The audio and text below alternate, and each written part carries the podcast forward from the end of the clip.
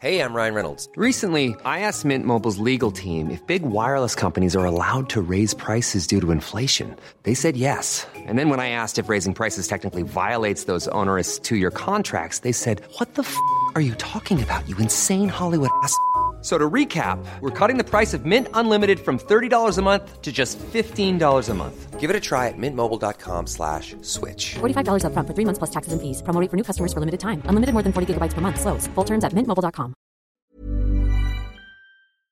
Hon är en av Sveriges kändaste riksdagsledamöter. Hon är västgöten som alltid dyker upp när det finns något att bli förbannad på. Hon var dessutom Sveriges sexigaste politiker 2015. Jättestort varmt välkommen hit Rosanna Dinamarca. Tusen tack. Hur känns det att vara med i 24 frågor? Nej, men det känns väl alltid kul, särskilt med tanke på den eh, utnämningen som jag fick 2015. Det är nog de finaste, inte till titeln kanske, men eh, motiveringen. Den finaste utnämningen jag fått. Vad kul, för det var- jag som skrev den motiveringen. Så det är väldigt roligt att höra.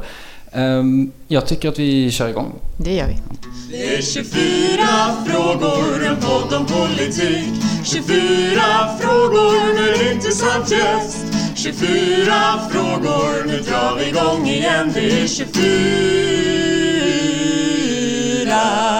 24 frågor Fråga 1. Hur ofta händer det att folk stavar fel till ditt namn? Typ, ja... ja det är jätteofta.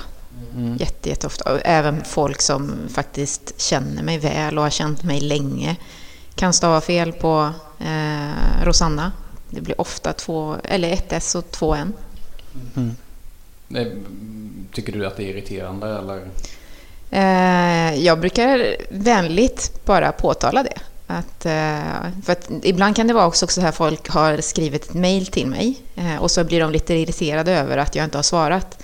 Men det är ju för att det inte har gått fram eftersom de har stavat fel. Ehm, Eller när man ska bli eh, namn på något, något seminarium eller så ska de göra affischer och så. Så bara, ja, fast det är Rosanna med två S och ett N och så. Det är ju lite slarvigt att inte kolla när man skickar iväg till Det jag tycker också det. tryckeriet. Ja. Fråga två. Vilken var den senaste filmen du såg?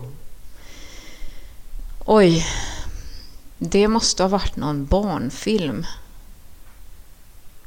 Jag vet inte, det kan ha varit Babybossen. Ja, okej. Jag går oftast på, på bio med mina barn, ska jag säga. Var den bra då? Nej, det var den verkligen inte. Jag tycker annars att barnfilmer är väldigt eh, roliga och fina. Eh, men, eh, men just den här fattar jag faktiskt inte. Jag tror till och med att jag somnade en stor del av filmen. Det känns som att barnfilmer är bättre nu än när man själv var... Ja, oh ja. Det, det tycker jag. Eh, det, det finns väldigt mycket som får en att tänka efter. Jag tänker på en film som jag var och såg som handlade eh, om det här med olika känslor i kroppen. Jag kommer inte ihåg vad det var. Insida ut. Insida ut. Den tyckte jag var så fantastisk. Eh, och det var ganska länge som jag med mina barn beskrev liksom hur man mådde. I just det här att man hade, nu har jag väldigt mycket blå bollar eller Mm. eh, nu är det en och annan röd boll där och sådär. Så att, eh, nej men jag tyckte det var fantastiskt fin faktiskt. Fråga tre. Har du något kul partytrick som du är lite stolt över? Jag har bra musik med smak. Jaha. så jag, jag, det, jag är inte så, så att jag slänger mig fram till att bestämma musiken. Nej. Men jag letar mig gärna ditåt. Du råkar hamna vid Spotify-listan. Ja, eh, och då brukar det nog bli bra de flesta tillfällen tror jag. Men du är ju DJ. Jag ska inte säga att jag är DJ. Eh, De som kan det här eh, skulle nog kanske mer benämna mig som en selecta. Jag, eh, men jag tycker det är jättekul att spela musik. Eh, Så det, det gör jag gärna. Det är inte så många politiker som ja, selekta eller DJar, så det, det är väl bra. Um, fråga fyra. När insåg du att du ville engagera dig politiskt? Eh, när jag var nio år gammal. Eh, och, eh, så, min bakgrund är, jag, jag är flyktingbarn från Chile. Jag kom till Sverige när jag var åtta månader gammal. Mina föräldrar var politiskt aktiva i Chile och, och kom till Sverige som politiska fly- flyktingar. Så att redan där fanns det ju liksom en, en bas, eller vad man ska säga. Eh, det pratades jättemycket politik hemma.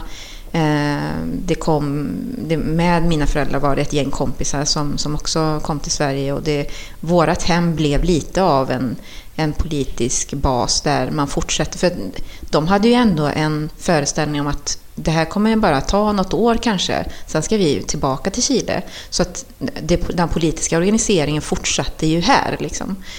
Så att det var väldigt mycket politiska diskussioner hemma. Men när jag var nio år gammal så åkte jag på ett sommarläger som Vänsterpartiets eh, barnorganisation som man hade då ordnade. Och temat var Nicaragua måste överleva. Peppigt barntema. ja, det kanske inte lät. Men det, det var alltså väldigt, väldigt roligt. Eh, för att det var, dels var det ett, ett vanligt sommarläge, så man sitter och täljer smörknivar mm. och tältar och man hade sångstunder och så vidare. Men det var också att man lyfte ändå allvarliga frågor utifrån ett barnperspektiv. Mm. Och det här var första gången som jag då fattade att det som mina föräldrar pratat om, förtryck, förföljelse och så vidare, det var ingenting som bara drabbade vuxna människor, utan i allra högsta grad barn. Vi hade då kontakt med eh, bland annat barnsoldater i Nicaragua. Eh, och den insikten att barn i min egen ålder eh, riskerar att dödas eller dödade själva, inte hade sina föräldrar, inte gick i skolan, inte hade möjligheten eller tryggheten att leka med kompisar. Det där satte sig jäkligt hårt. Och jag har försökt att framkalla den känslan som jag kände då. Och det är ju så svårt, men jag är 43 år nu, det är liksom lång tid eh, som har gått sedan dess. Men genom mina barn nu, som är i typ den åldern som jag var då, eh, jag har tagit dem till centralen i Malm, eller i Göteborg eh, och till ett transitboende som var där 2015 när det kom väldigt mycket människor. Och de fick då träffa andra barn i en helt annan situation än sig själva. Liksom, som just hade varit på flykt, som hade suttit på en båt, som hade eh, gått genom taggtrådsstängsel i, i, i Ungern. Eh, och då tror jag att jag såg det där som, som eh, väcktes hos mig. För det väcktes även hos dem. Liksom, att varför är det så här? Varför är det så här orättvist? Och vad kan man, varför tillåts det att hända? Liksom? Mm. Um, borde, man, borde fler föräldrar ta sina barn på liknande utflykter, tycker du? Jag tycker att det som är viktigt är att ta deras eh, funderingar på allvar. För det, barn ser ju vad som händer i nyheter och så vidare. Jag kommer ihåg ett jättetidigt minne från när min, mitt äldsta barn var bara fem år gammal. Eh, och det var framsidan på, på tidningen var från eh, eh Gaza. Eh, när man hade gjort en bombräd där. Och en bild på en pappa som bär ett barn. Han är helt sotig av aska och blod. Och han frågar mig varför, varför är det så här? Och jag tror att man måste, man inte bara säga så här, nej men det där ska du inte se, utan att försöka svara på barnens frågor. Att svara på frågor, man behöver liksom inte väva ut jättemycket, utan svara faktiskt på frågorna. Jag har varit på Medborgarplatsen eh, på en demonstration som Vi står inte ut ordnade i, i våras. Och eh, jag står där med mina barn på en stor snöhög som man hade samlat upp där på, i början på våren. Eh, och plötsligt så ser jag hur det kommer ett gäng svartklädda personer. Eh, och, och kände direkt att så här, här, är det någonting som, som inte känns helt okej. Okay. De vecklar ut en banderoll och börjar skrika och går emot vår demonstration. Och då frågar min, och jag blir direkt så här, vad i helvete? Och min dotter frågar, vad är det för någonting? Och så bara, utan att tänka på det så säger jag bara, det där är nazister. Och då frågar man, vad är det för någonting? Och att behöva förklara det mm. eh, för ett litet barn, någonting som jag inte behövde uppleva egentligen förrän jag var, var runt 17, 18 kanske.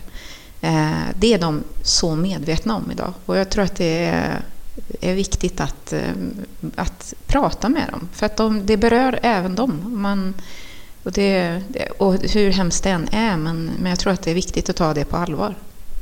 Det tror jag också. Um, fråga fem. Vem var din idol som liten?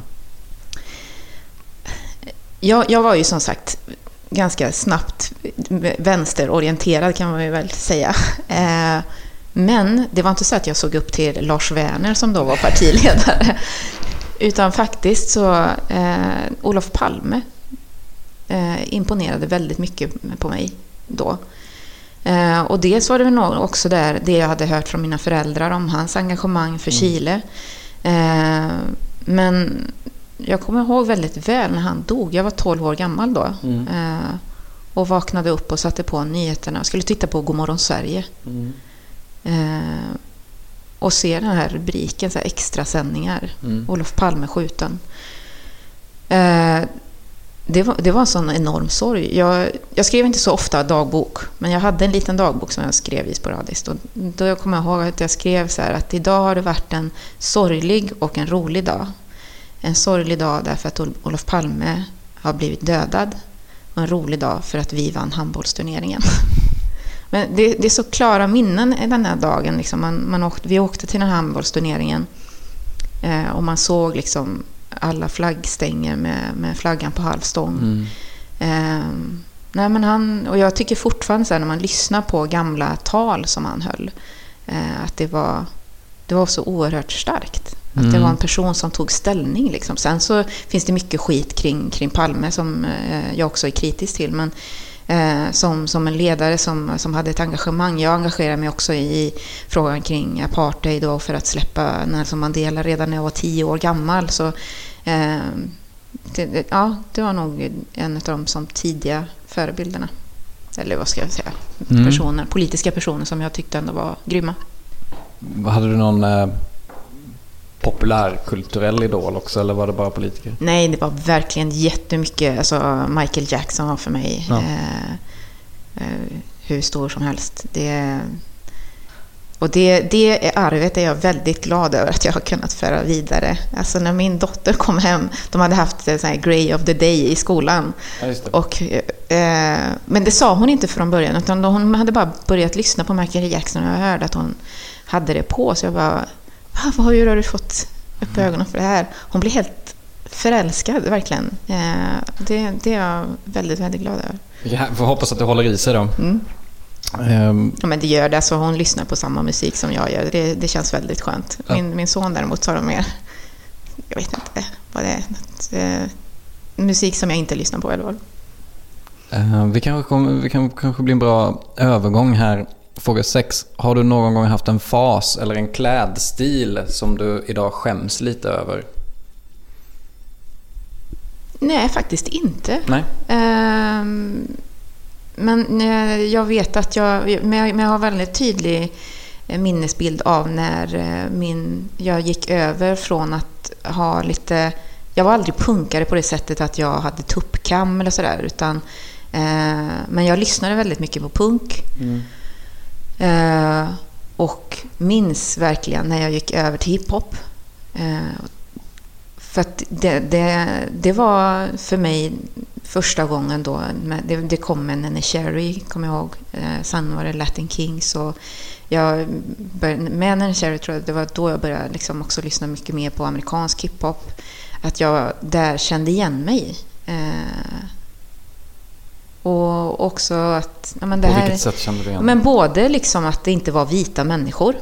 Att det fanns andra, att det fanns också personer, nu såg ju inte Nanny Cherry ut som, som mig, men att det inte var en vit människa. Eh, och sen med Latin Kings, att det också var, då, då var det verkligen så, det är liksom eh, två chilenare som, som har bildat det där och, eh, och som, som också var från miljonprogramsområde på samma sätt som jag var uppväxt på Kronogården.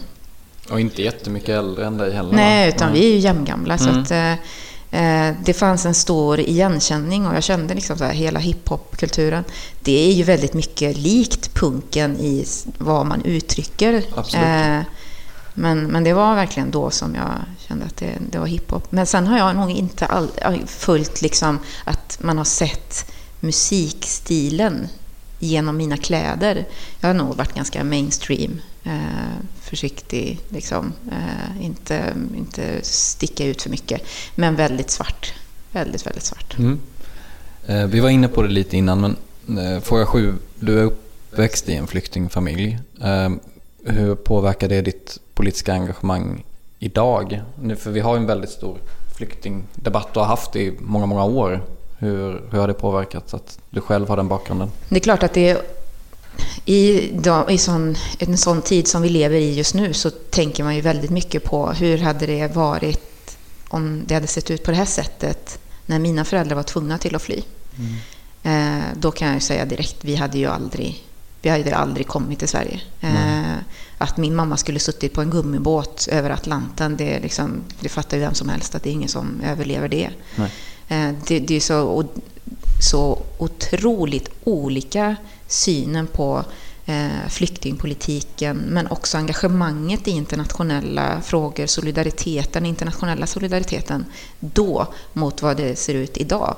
Eh, då, så här, Harald Edelstam som, som var eh, svensk ambassadör i Chile eh, engagerade sig mycket mer än vad man, man förväntar sig av en diplomat. Som nästan var på väg att starta krig mot Chile.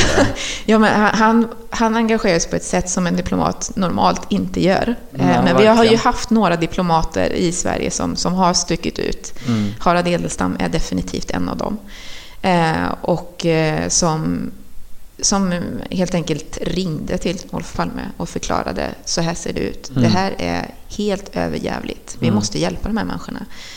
Och Olof Palme säger då att hjälp så många som du kan. Mm. Eh, och mina föräldrar var bland dem. Eh, så det är ju det, det är ju en ganska stor sorg tycker jag i det. Att, vi har kunnat, att det har förändrats så enormt mycket eh, på dem och under, under min levnadstid. Liksom, hur, hur vi, synen på är idag att vi ska, nej men vi måste tänka på oss själva, vi, vi kan inte ta in fler, vi kan inte, men man ser liksom inte ja, men titta på hur det ser ut i Syrien.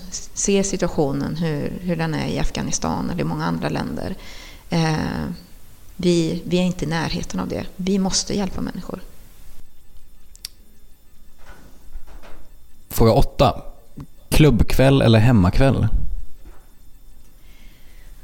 Jag tycker att jag ändå har lyxen att ha både och. Eh, som, som skild och med barnen, inte, att man inte alltid har barn hemma, så eh, betyder ju det att jag kan kombinera det. Så jag känner aldrig att jag behöver, så här, när jag har mina barn hemma, så är det inte så att jag sitter, åh gud, nu är det den här roliga festen eller konserten som jag missar. För att jag vet att så här, men nästa vecka så kommer jag att vara på något kul ändå. Så att jag tycker om att jag har den möjligheten att kombinera. Det låter ju härligt. Eh, Fråga 9. Har du någon gång försökt träna bort din dialekt? Nej, Aldrig? nej. Men jag vet inte, jag tror inte att... ehm, en del kan säga till mig att jag, jag får jättemycket dialekt när jag blir upprörd. Mm. Ehm, Jag vet inte om det stämmer, men annars så om jag lyssnar på folk hemma i Trollhättan så... Nu hörde du Trollhättan, då, då kommer det. Eh, så tycker jag inte att jag har så utpräglad dialekt och det tror jag inte att jag har haft eh, någon gång. Jag tror att det här är mitt... När jag är trött och sur så får jag höra ibland att jag har en småländska som blir så grötig att det, det går inte att höra vad jag säger ungefär. Så jag, det, det kan nog stämma att... Men jag har ju eh, en väldigt klar dialekt. Ja, ja, ja visst. Du är ju ri- rikssvenska mer eller mindre. Nej, Eh, det menar jag inte, men jag menar att eh, våran dialekt är inte så grötig. Eh, Lite mer politik här nu. Eh, Fråga 10. Vilken fråga skulle du säga är absolut viktigast i Sverige just nu överhuvudtaget?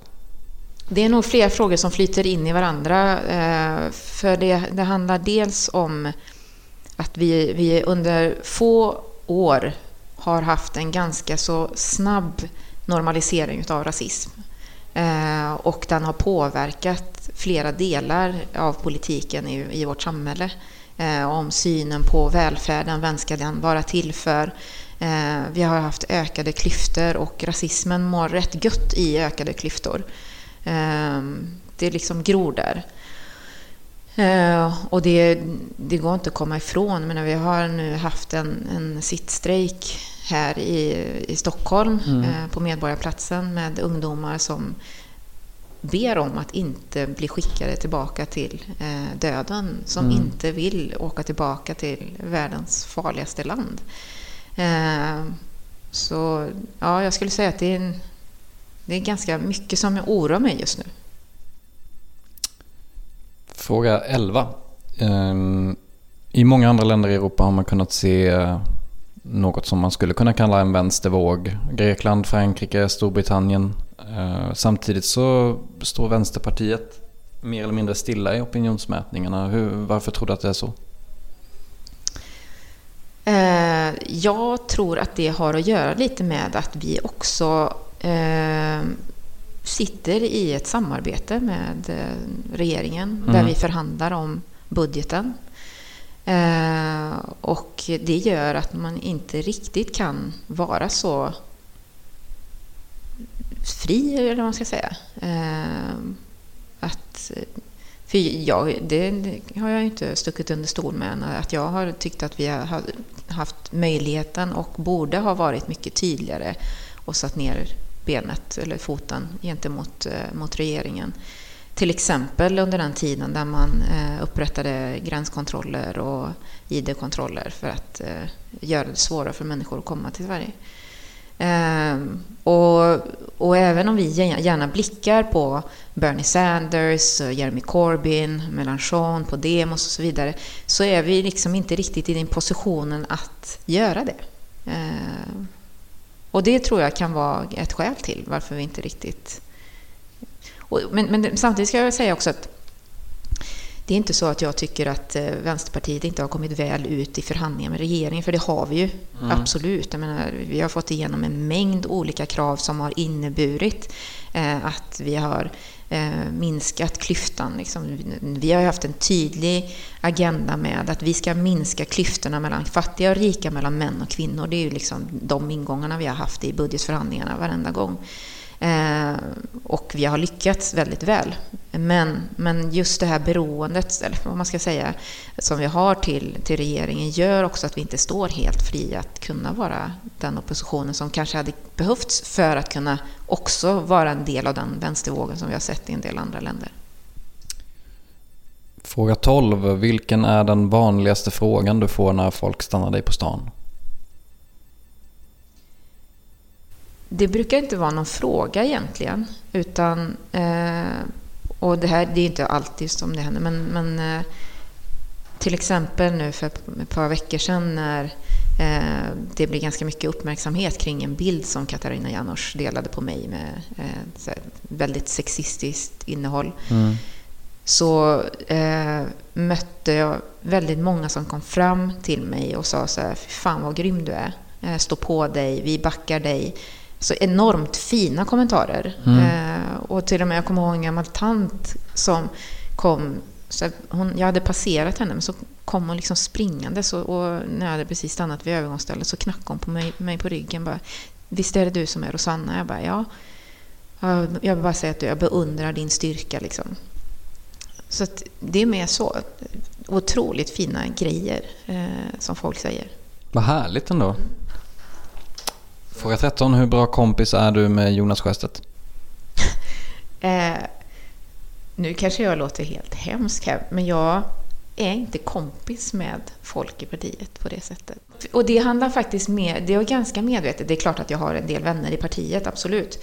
Men eh, jag har nog varit ganska så eh, medvetet att inte binda mig för mycket till personer så att det kan bli ett problem att man, att man förväntar sig att så här, vi är ju kompisar så då ska du backa mig i alla politiska frågor. Eh, utan jag vill vara lojal mot politiken. Eh, och det finns en del som, som har klarat av att jag kan vara kompis men att jag också kommer att säga emot och att jag kan säga att du har fel. Men det är inte alla som, som klarar av det. Eh, jag och Jonas vi umgås ju inte utanför jobbet. Liksom. Vi, ses, vi ses på riksdagen, vi ses på våra partistyrelsemöten. Det är det, liksom. det är den relationen vi har. Men när man jobbar i en riksdagsgrupp um, blir det inte oundvikligt så att man ändå blir ganska tajta efter ett tag? Nej, alltså jobbet i riksdagen är ganska ensamt skulle mm. jag säga. Man, man, liksom, man har sitt område som man arbetar med. Eh, det är inte på, som på andra arbetsplatser. Så jag har jobbat inom äldrevården och jag har jobbat som lärare och sådär.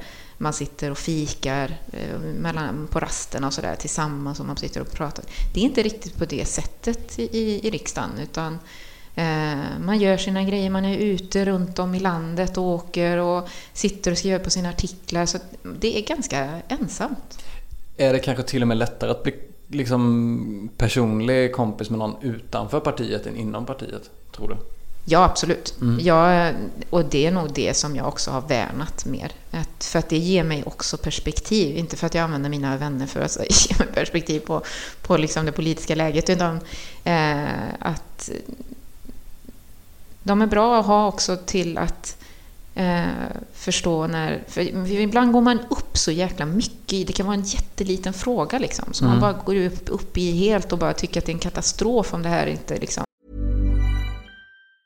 As a person with a very deep voice, I'm hired all the time for advertising campaigns. But a deep voice doesn't sell B2B, and advertising on the wrong platform doesn't sell B2B either. That's why, if you're a B2B marketer, you should use LinkedIn ads. LinkedIn has the targeting capabilities to help you reach the world's largest professional audience.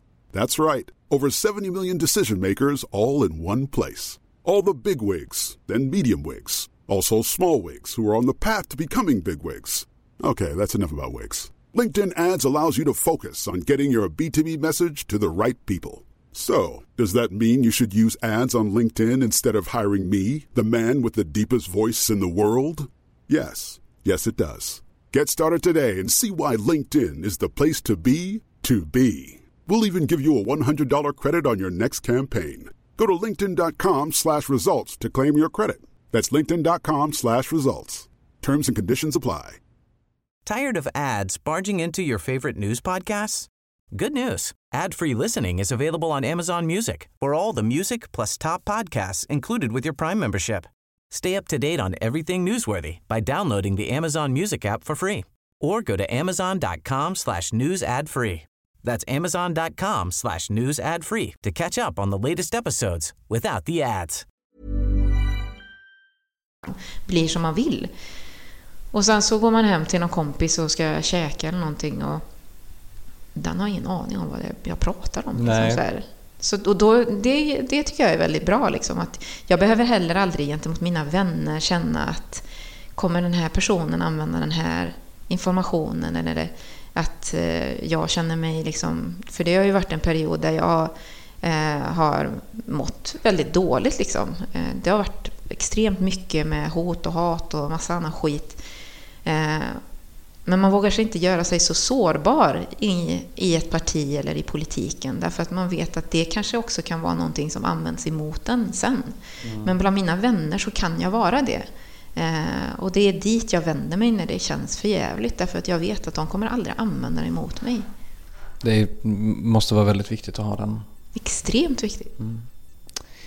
Fråga 14. Skulle du själv kunna tänka dig att någon gång bli partiledare för Vänsterpartiet?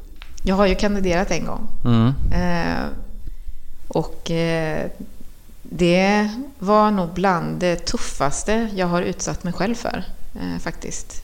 Mm. Någonsin. Så att gå in i en sån process igen, eh, då kommer jag nog tänka efter många, många, många, många fler varv än jag, vad jag gjorde när jag gick in i den processen sist gång. För att du dyker ju upp ibland i, i när det ska vara så lite spekulationer och sådär. Känner du dig obekväm i den typen av eh, spekulationer? Obekväm skulle jag inte säga, för det är väl klart att det är smickrande att, eh, att folk ser en på, på en som att det är en person som man skulle önska sig att se. Liksom. Att, för det säger ju också en del om att de uppskattar det jag gör idag. Liksom. Eh, Så jag väljer nog att se det på det sättet. Men in, inte för att jag går runt och tänker så här, jag, jag planerar att bli partiledare. Det, det ligger inte så nära för mig faktiskt. Ska vi se här. Fråga 15. Hur tycker du att regeringen borde se ut efter nästa val? Ja, 2018 alltså.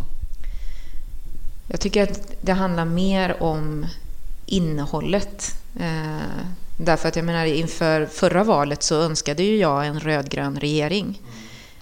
Men den här rödgröna regeringen tycker jag eh, i de delar som har varit viktiga för mig eh, inte har levererat utan tvärtom har varit eh, en, en stor, stor besvikelse minst sagt. Eh, inte, med, inte vad heter det, när det gäller till exempel just eh, frågan kring flyktingpolitiken där jag tycker att det har varit helt förjävligt att det är, det är under en socialdemokratisk och miljöpartistiskt ledd Eh, regering som, som vi har gjort det här. Eh, så att Jag vill ha en regering som vågar stå upp för jämlikhet och för rättvisa. Eh, som inte ger efter för eh, rasistisk politik. Fråga 16. Ehm, det blev ju stor uppståndelse kring dig 2014, tror jag det var, när du sa du är inte min talman till Sverigedemokraternas Björn Söder. Hur ser du tillbaka på den tiden nu idag? Nu har det gått tre år ungefär. Mm. Eh, jag kan ju fortfarande känna så när jag, när jag berättar om det som hände då. Eh, så kan jag fortfarande känna liksom den här eh, oron jag hade eh, när jag såg Björn Söder kliva in i kammaren och skulle liksom växla eh, från, från talmannen. Liksom. Det var Urban Alin som satt där och så, så kom han in och skulle ta över. Mm. För det var ju bara det var en talare före mig, sen skulle jag gå upp där. Det här, är första, det här var det tillfälle som var första gången som Björn Söder var talman under någon av mina debatter den hösten. Mm. Eh, och, och, bara dagarna innan hade han dessutom fällt uttalandet att judar och samer inte var riktiga svenskar. Så att redan när, när det här talmansvalet gjordes efter att riksdagen hade öppnat så kände jag ju så här, jag kommer aldrig kunna tilltala den mannen för herr talman. Eller varken han eller någon annan sverigedemokrat ska jag säga. För att för mig var det så här, det spelar ingen roll vilken sverigedemokrat som sitter där. Utan, eh, så när jag väl satt där så tänkte jag att nu, jag skiter i det. Jag stryker mig från den här debatten. Jag vägrar gå upp. Jag mådde så jäkla dåligt. Jag hade så ont i magen. Eh, så smsade jag med en kompis. För vi hade pratat om det på helgen. Så här, bara, bara tänk, jag ska ha den här debatten på måndag. Tänk om, tänk om det blir Björn Söder nu efter de här sakerna han hade mm. sagt. Som kommer sitta talman då. Eh, ja, nej, men sån otur har du väl inte. Och så messade jag till honom och så bara, så tror du fan inte att det är Björn Söder som sitter här nu? Och det är min tur. Mm. När som helst. Och han svarade så här, fan vad jobbigt, vad ska du göra då? Jag bara, jag har ingen aning. Men kan du inte prata med någon? Jag bara, det är min tur när som helst. Vem, var ska jag hinna prata med någon? Eh, och, så, och det sista jag skrivit till honom så jag, bara, jag, jag går bara upp och så säger jag åhörare istället. Så, eh, och, och, skulle han säga någonting så får jag säga du är inte min talman. Så jag går upp och eh, börjar mitt anförande. Åhörare. Om 67 år är jag Herr talman säger vi när vi inleder anförande. Och det är då jag vänder mig om till honom och säger Du är inte min talman. Och sen vänder jag mig tillbaka till mina papper. Och samtidigt som jag bara fokuserar på att inte tappa bort mig i, i mitt anförande så funderar jag på så här, hände det här precis nu? Vad, vad, vad, vad, vad gjorde jag? Jag kan tänka mig att det är mycket kemikalier som rör sig. Det är adrenalin och allt möjligt. Ja, och det blev helt knäpptyst mm, också. Mm. Det, blir verkligen, det är inte så att det är jättemånga som sitter på riksdagsdebatter så att det är väldigt livat i, i vanliga fall. Men nu blev det verkligen så här helt knäpptyst. Eh, ingen begärde replik. Vilket, det här var en jämställdhetsdebatt så det, det brukar ändå bli så att jag får repliker. Men ingen begärde replik. Jag gick ner och satte mig och tittade på min telefon. Jag har flera missade samtal. Jag vet inte hur många hundra notiser jag hade på Facebook och Twitter. Ehm, det blev ju helt enormt. Helt enormt. Och eh, många, många, många, många människor som hörde av sig och som var så här att du uttryckte verkligen vad vi känner. Eh, och, och det jag tänkte också när jag gjorde det någonstans så jag har så många gånger varit runt i landet och pratat med folk om så här att varhelst man ser sexism eller rasism dyka upp så måste man säga ifrån. Om det är så på bussen, bland arbetskamrater, var som helst så måste man säga ifrån. Och då, jag, jag tror att jag tänkte också det att så här, här står jag i det mest tryggaste rummet jag kan vara i. För vad ska han göra? Han, kan, han kommer ju inte komma upp och plocka upp ett järnrör och slå mig liksom. Eh, så att om inte jag vågar säga det här och nu, hur ska jag någonsin kunna säga till någon annan att göra det till en främling på buss? Fråga 17. finns det någon politiker inom Sverigedemokraterna som du känner att du faktiskt har viss respekt för? Nej. Inte så här, hur, hur, hur agerar du när du om någon försöker prata med dig i kaffekön eller möter i riksdagskorridoren eller något liknande? Hur? Bemöter faktiskt särskilt sällan eh, mm. någonting. Det är så här... Ja, nej. Jag har inte... Jag, jag känner så här, och det... Det, det finns kanske de som tycker så här, ja men vad fånigt att man håller på så här. Men det man måste komma ihåg är den vånda som jag kände inför när Björn Söder varje gång han sitter som talman, ska jag säga. Eh, det handlar inte liksom om så här, ja, eh, något så banalt, utan det, det är någonting som är på riktigt. Det här är personer som är ett hot mot mig, mot mina barn, mot min familj, mot mina vänner. Eh, och det hotet är på riktigt. Jag kan liksom inte, jag kan inte separera det och säga så här, nej men nu lägger vi politiken åt sidan och så tar vi en kopp kaffe här eller hej hej och hur har din helg varit? Mm. Jag kan inte göra det. Fråga 18. Om du hade skrivit en roman, vad hade den handlat om? jag har varit med på Flumskolan och där man sågar så här gamla politikers eh, eh, Jag kommer aldrig våga skriva en bok tror jag. Eh, men om jag skulle skriva... Jag om jag ska säga vad jag själv läser, jag älskar ju så här kriminalserier, skräckböcker. Så nu, den här sommaren har jag eh, plöjt igenom Paganini-kontraktet, Sandmannen och Eldvittnet av Lars Kepler. Och även Mats Strandbergs eh, Färjan. Mm.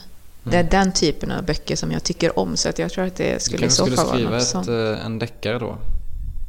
Det har ju Jonas Sjöstedt redan gjort. Ja, jag vet inte. det är sant. Ja. Nej, jag vet inte. Men, eh, ja, men det skulle i så fall vara inom den genren tror jag.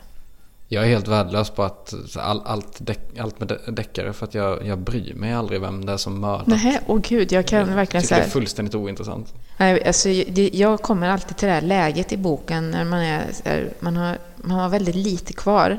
Man vill så jäkla gärna veta hur det slutar, men man vill också ha kvar den här känslan av så här, spänning i kroppen. Mm. Eh, så att jag vill ju inte att det ska sluta.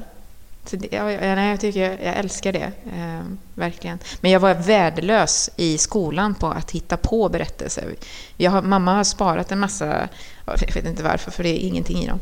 Mass, man gjorde så egna små böcker. Mm. Man tog A4 och vek dem på mitten och häfta och så, skulle man, så skrev man liksom, eh, någonting, en, en ja. rubrik på första och sidan. ritade teckningar. Ja. Mm jag kom alltid till rubriken. Sen om man tittar vidare så är det helt vita sidor. Mm.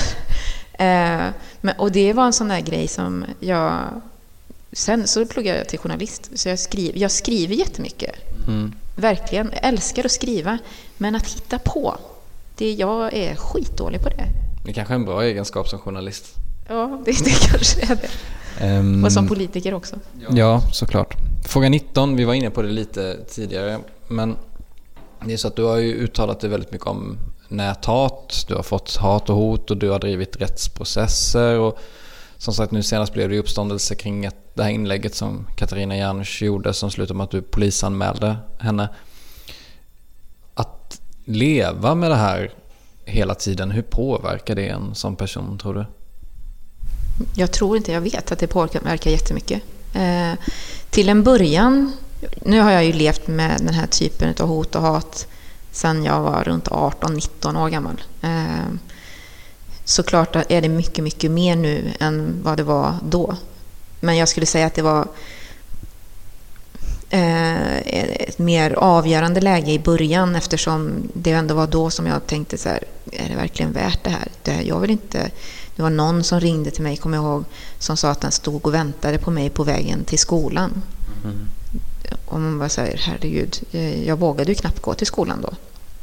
Eh, men, men sen, så är det, sen så blev det väl mer så här, ja men fortsätt ni bara, gör det här, jag skiter väl i er. Tror ni jag bryr mig om det här? Mm. Men någonstans så nöter det där eh, och det, det, det kommer igenom. Och jag vet nu, efter det här som var nu med Katarina Janouch, så jag får jättemycket stöd, verkligen. Och jag har lärt mig nu på senare tid att uppskatta stödet. Förut var det verkligen så här, bara, det, det spelar ingen roll hur mycket kärlek och sådär som folk skickade. För det var ändå alltid hatet som tog över mycket mer. Det var bara det jag såg. Eh, och, men, men efter det här som med, med Janos då, det, jag fick jättemycket kärlek men det var ändå extremt, extremt jobbigt. Jag märkte ganska snabbt hur jag slutade äta. Eh, jag sov jättedåligt. Jag eh, kunde inte somna och, när jag väl somnade så sov jag väldigt få timmar. Eh, så den veckan var helt förjävlig. Jag var tvungen att avboka flera saker. För att, just för att när man inte äter, när man inte sover, så funkar man ju inte. Liksom. och så kommer jag ihåg att jag, när jag åkte hem på fredagen, för jag hade varit i Stockholm en vecka, så jag åkte hem på fredagen. Jag gick hem, bytte om och gick med kompis på Kapten Röd. Eh, och det var så jävla skönt. Och bara, dels att vara hemma i Trollhättan, i sin stad, liksom. men att omges av de här människorna. För det var ju jättemycket folk som kom fram där också. Eh, min kompis som, som följde med mig, hon är från Göteborg, så hon sa så här, hur brukar det vara när, när du går ut så här, att kommer folk fram till dig så här, i Trollhättan? Jag bara, nej, de brukar nog låta en vara ganska mycket. Men just den kvällen så var det jättemycket folk som kom fram och eh, eftersom det har varit så mycket uppmärksamhet och, och, och backa upp en. Men också musiken, alltså. Eh, den, den återkommer jag till ganska ofta tror jag. Att det är genom musik också som sätter ord på, på känslor. Alltså när Kapten Röd körde den här Ju mer de spottar på mig eh, och man säger håll hårt i din goda vän. Så var, var det verkligen så att jag höll om min kompis mm. och sjöng så högt jag bara kunde. Bara så här, ju mer de spottar på mig, desto snabbare kommer jag blomma. Och det är sån jävla boost liksom. Och det återkommer jag nog ofta till, liksom, till musiken. Eh, för att det, det är också mycket av andra folks kärlek, men också genom de uttrycken som musiken ger, eh, är viktiga för mig. Mycket av det man ser på nätet eh, jag menar, det, det, dels är det väl hat och hot också. Men jag upplever också att mycket av det är någon slags jävligt korkad satir. Det är dåligt redigerade bilder och det är konstiga typsnitt och det är så här ingen röd tråd överhuvudtaget. Hur mycket av det ser du eh, när du liksom... Är du en sån som letar eh, upp sånt eller vill du bara helt stänga dörren? Um, det är olika. Det beror på hur jag... Nu har jag ändå lärt mig så här att när jag mår dåligt, då är det mm. en dålig idé att gå in och kolla på vad folk skriver om en. Mm. För att det kommer nog vara så att du kommer hitta ganska mycket skit och det mår ja. man inte bättre av. Så att efter det här inlägget som Janusz gjorde så eh, var jag inte inne på Twitter på lång, lång tid.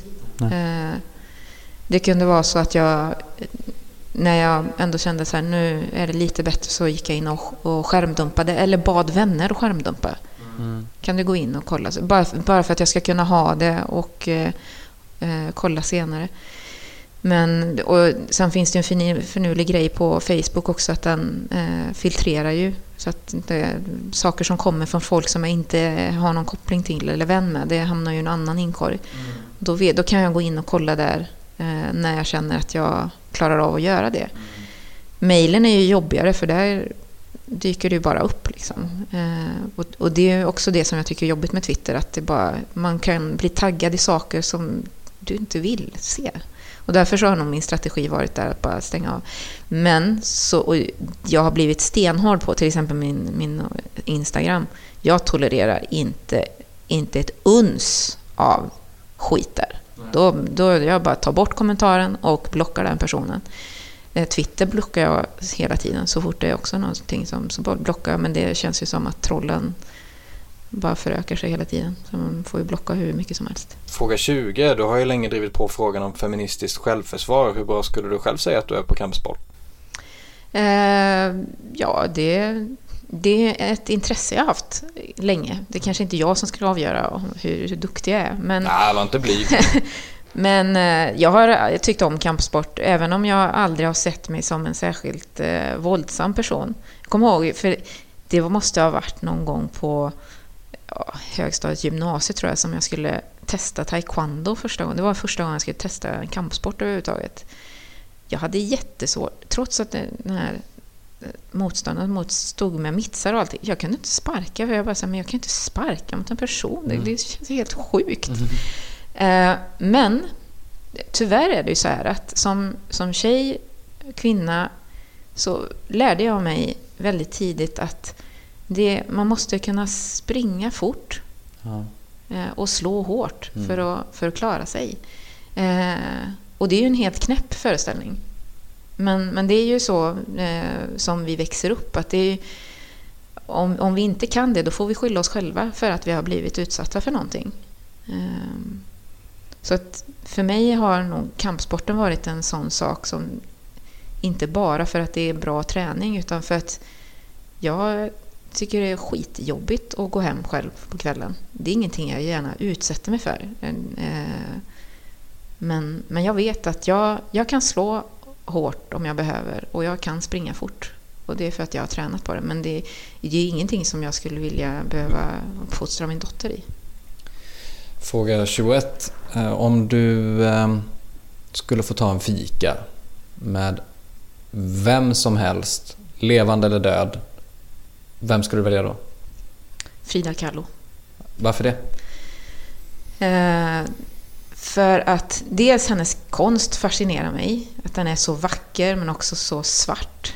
Eh, och, men, men också hennes politiska bakgrund eller engagemang. Mm. Eh, som också, jag, jag, tycker att det, det hade varit häftigt. Och eh, ja. Fråga 22. Är du bra på att återvinna? Ja, fråga dem på jobbet. Jag, jag har skällt på folk som slänger plast i vanliga sopor. Eh, trots att vi har en plastbehållare. Liksom. Mm.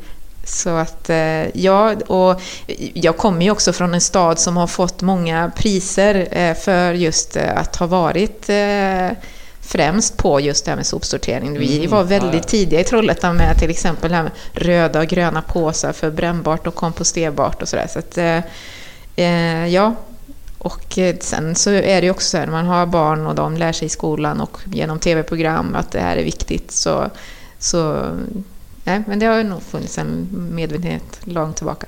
Är du en sån som så här, plockar isär tandkräms eller tandborsteförpackningen så att det blir en plastbit och en pappbit?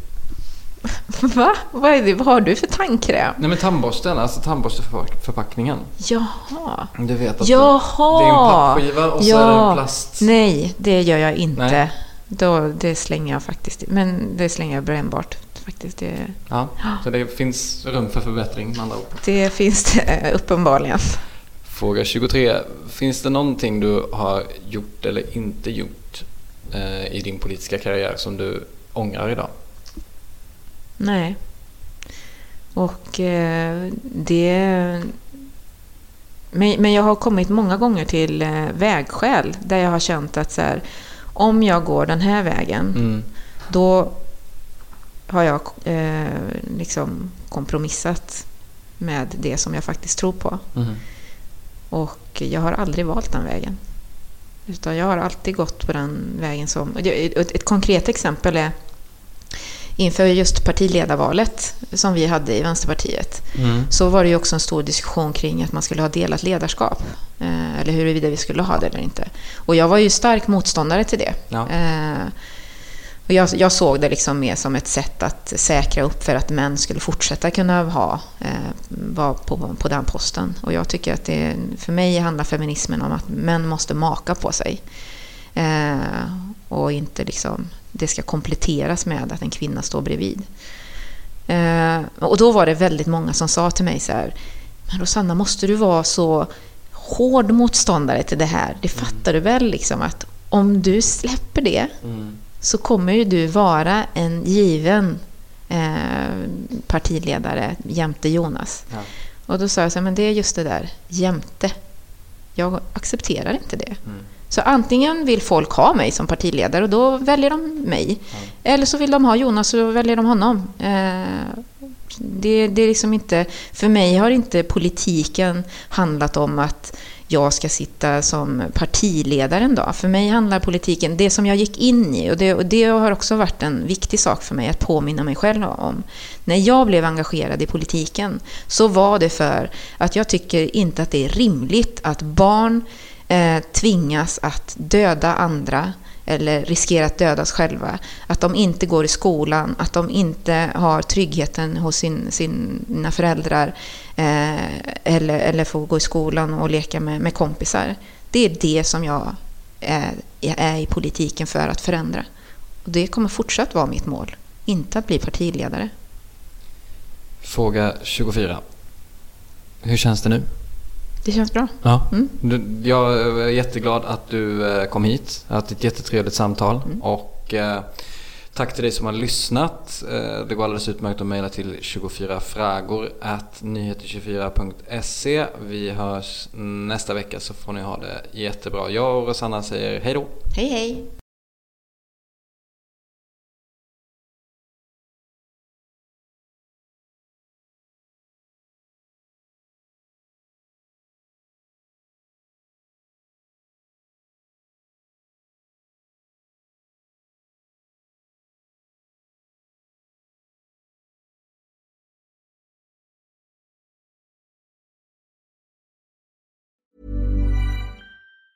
Tired of ads barging into your favorite news podcasts? Good news. Ad-free listening is available on Amazon Music for all the music plus top podcasts included with your Prime membership. Stay up to date on everything newsworthy by downloading the Amazon Music app for free or go to amazon.com slash news ad free. That's amazon.com slash news ad free to catch up on the latest episodes without the ads.